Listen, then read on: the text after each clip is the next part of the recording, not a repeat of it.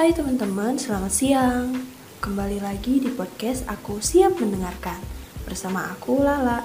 Gimana kabarnya? Semoga selalu sehat ya. Nah, di episode kali ini aku bawa sesuatu yang berbeda dari episode-episode sebelumnya. Hari ini kita akan membahas tentang moderasi beragama di kalangan milenial. Sebelumnya, kalian tahu gak sih apa itu moderasi beragama? Oke, aku jelasin dulu ya. Jadi, moderasi agama adalah sebuah cara pandang terkait proses memahami dan mengamalkan ajaran agama agar dalam melaksanakannya selalu dalam jalur yang moderat. Moderat di sini dalam arti tidak berlebih-lebihan atau ekstrim. Jadi, yang dimoderasi di sini adalah cara beragamanya, bukan agama itu sendiri. Gitu maksudnya teman-teman. Jadi dari pengertian yang tadi aku jelasin bisa dipetik kita itu sudah sepatutnya sebagai warga negara Indonesia yang hidup di negara yang beragam baik agama maupun kebudayaan kita harus moderat terutama dalam beragama. Nah, sebenarnya fungsi utama dari moderasi beragama itu sendiri itu apa sih?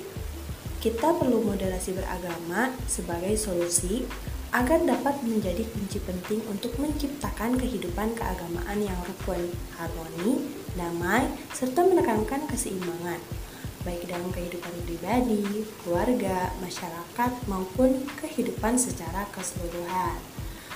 Perlu diingat bahwa kita sebagai kalangan milenial punya peran penting loh dalam moderasi beragama. Mengapa demikian?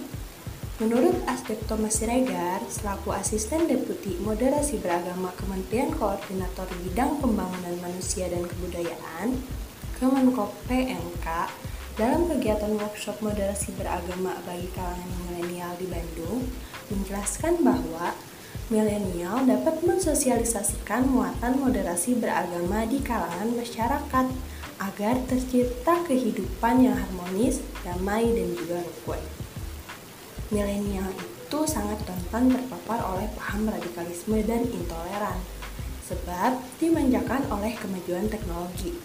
Maka dari itu, perlu adanya benteng pertahanan yang kuat untuk meminimalisir terjadinya hal-hal yang tidak diinginkan. Nah, milenial harus menjadi contoh bagi masyarakat luas dengan cara memunculkan sikap tenggang rasa Maksudnya di sini adalah milenial perlu memberikan contoh nyata tentang bagaimana cara berdiri di tengah kaum ekstrim dan ultra ekstrim yang memahami naskah kitab suci hanya dari segi teks saja ataupun dari perspektif nalar saja. Jika milenial tidak memiliki pemahaman agama yang memadai dan belum mampu menyeimbangkan penafsiran secara tekstual dan kontekstual, maka ia akan mudah terombang-ambing oleh ideologi radikal yang saat ini marak bertebaran. Apalagi telah ada pelaku teror yang masih berusia milenial. Sepatutnya perlu menimbulkan rasa prihatin di diri kaum seusianya itu sendiri. Nah, di tengah gencarnya perkembangan media bagi kalangan milenial, generasi muda harus selektif dan mampu memilah informasi dan sumber bacaan yang sampai kepada mereka kaum muda harus terus mengedepankan pemahaman ajaran agama yang membawa damai, bukan kebencian apalagi mengobatkan perang terhadap negara dan sesama. Dalam konteks inilah, penguatan moderasi beragama bagi kaum muda diperlukan. Hal ini diperlukan untuk menumbuhkan sikap keberagamaan yang hormat terhadap paham yang tidak sama, menebarkan kedamaian dan kasih sayang serta menjauhkan sikap keberagamaan dari paham anarkis dan merasa paling benar sendiri. Nah, mungkin itu tadi yang bisa aku jelaskan tentang moderasi beragama di kalangan milenial. Marilah menjadi generasi milenial yang moderat dalam beragama. Kalau bukan kita, siapa lagi? Demi ketentraman dan kedamaian negara ini. Terima kasih telah mendengarkan podcast Aku Siap Mendengarkan. Semoga bermanfaat. Dadah.